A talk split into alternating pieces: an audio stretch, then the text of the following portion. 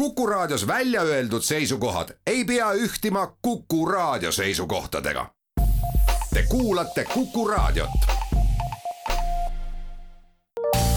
terviseks saadet toetab Lääne-Tallinna Keskhaigla, vaata ka keskhaigla.ee tere, head Kuku kuulajad, eetris on saade Terviseks ja me räägime täna insuldijärgsest taastusravist. mina olen Ingela Virkus ja koos minuga on stuudios Lääne-Tallinna Keskhaigla insuldiosakonna füsioterapeut Valeria Piida, tere! tere! alustame sellest, et mis on insult? insult on kahjuks üsna levinud haigus ja nimelt on see aju-verevarustuse häire, mis reeglina algabki järsku, aga selle lähenemist võib tunda ka mitu tundi või isegi mitu päeva ette. Ja võib olla hemoraagiline ehk siis aju-verejooks või siis isheemiline ehk siis veresoone tromboseerumine.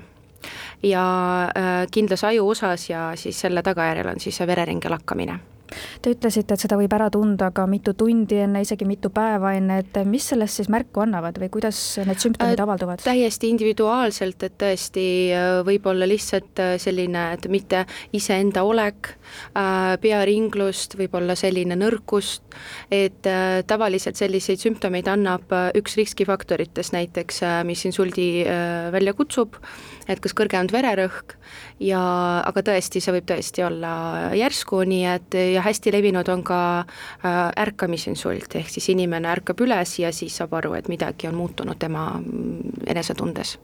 aga mida võib-olla lähedased võiksid tähele panna, et äh, ma olen kuulnud, et öeldakse, et näiteks äh, inimese kõne muutub nagu oleks kuum kartul suus, et selline mm -hmm. raskelt tulevad sõnad kuidagi välja, räägitakse ka, et üks käsi võib tuimaks muutuda, et kas need on juba siis sellised Äh, viimase hetke nii-öelda äh, sümptomid, et siis peab juba kiirabi kutsuma ja mm. -hmm, tõesti, et noh, levinum ongi, et äh, ühe suunurgu allavaje või siis üks kehapool muutub nõrgaks ja hästi levinud on ka see, et noh, et käsi ja jalg aga vahel on ka lihtsalt käsi või lihtsalt jalg, et, et selles suhtes hästi erinevad. tõesti kõnehäire, kõne mõistmise häire Äh, kui inimene mm, ei orienteeru, kus ta asub, kus ta on, äh, häirunud äh, just eneseväljendumine ja arusaamine, ka nägemishäire võib olla probleemiks, et tõesti, kas nägemine läheb hägusaks või ühelt poolt läheb hägusaks, ähm, siis tekib kas või pime tsoon näiteks, et inimene läheb vastu asjadele. Äh, tasakaaluhäire on ka üks äh, sümptomites ja, ja ühe käe kohmakus näiteks, et ei saa enam lusikat hoida või tassi hoida või see kukub äh, käest nagu ära ja äh, tegelikult väga tugev peavalu võib ka olla äh, insuldi äh, sümptomiks, aga ei pruugi. et äh, kui eelnimetatud sümptomitega peavalu ei kaasne, see ei tähenda, et see nüüd ei ole aju-vereringe häire. nii et hästi-hästi tuleb enda suhtes olla tähelepanelik jah, et kui on peavalu või näiteks mitu päeva enne selline iiveldus või pearinglus, et siis inimene ei pruugi kahtlustada, et midagi on ja abi otsida.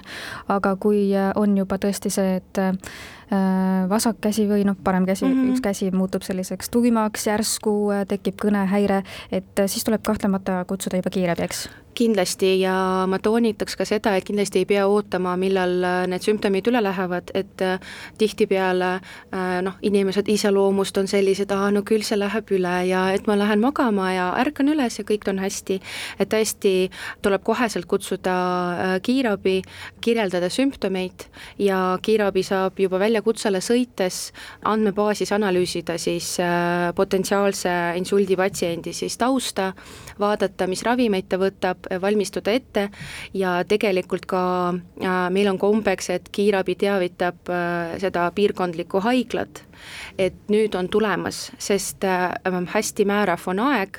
Esimestes äh, sümptomite tekkest neli-viis tundi, kui äh, noh, arstid saavad aidata tegelikult, sest on selline protseduur nagu trombolüüs, see kehtib isheemilise ehk siis trombiga insuldi puhul.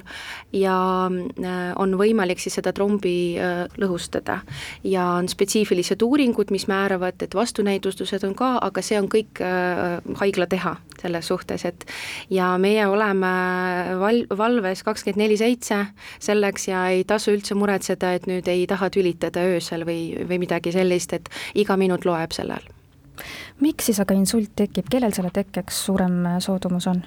Äh, no riskifaktoreid on päris mitu, äh, levinumad on kõrge vererõhk, äh, südame rütmihäired, diabeet ehk suhkurtõbi ja liigne kehakaal, noh, suitsetamine ja alkoholi liigtarbimine, need ka mõjutavad oluliselt.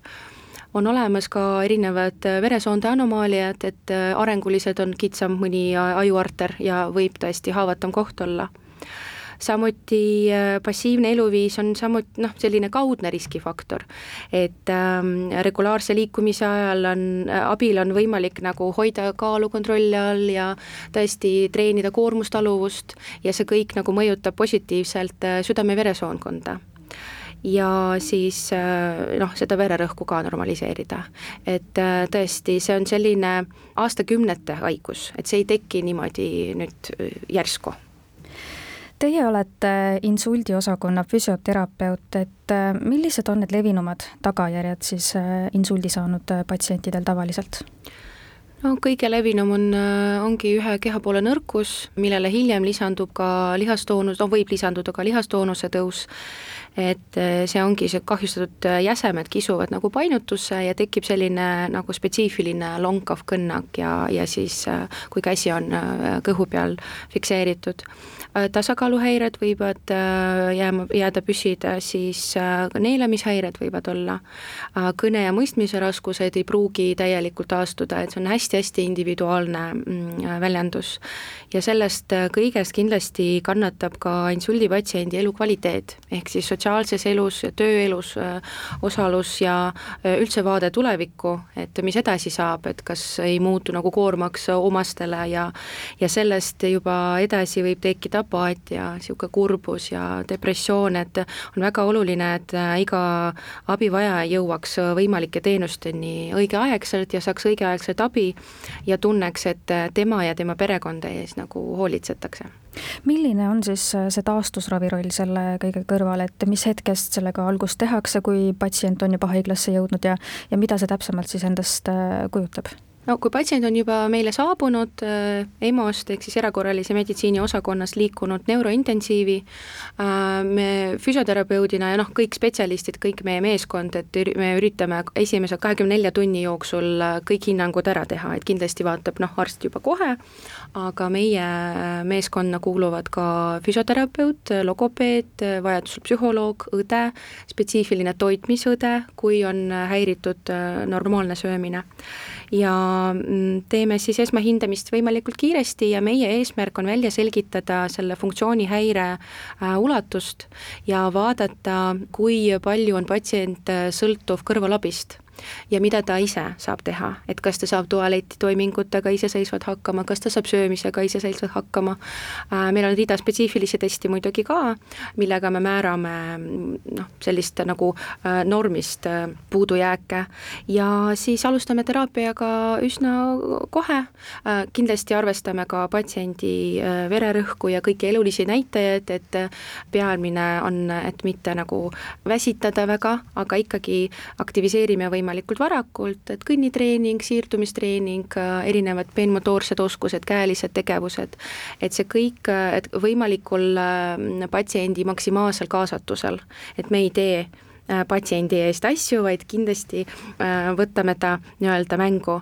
ja ma toonitaks ka veel seda, et hästi oluline on harimine ja koolitamine sest inimene on nagu ärkanud sel hommikul näiteks ja, ja tema elu on niivõrd muutunud ja ei oska kohe aru saada, et midagi on nüüd äh, vaja veel noh, lisaks teha selleks, et, äh, et üldsegi tualetti jõuda nii et me hästi palju äh, üritame motiveerida, rääkida erinevad kogemuslood, et kuidas läinud on ja et ähm, võimalikult siis, et patsient saaks aru, et see ei ole kõik.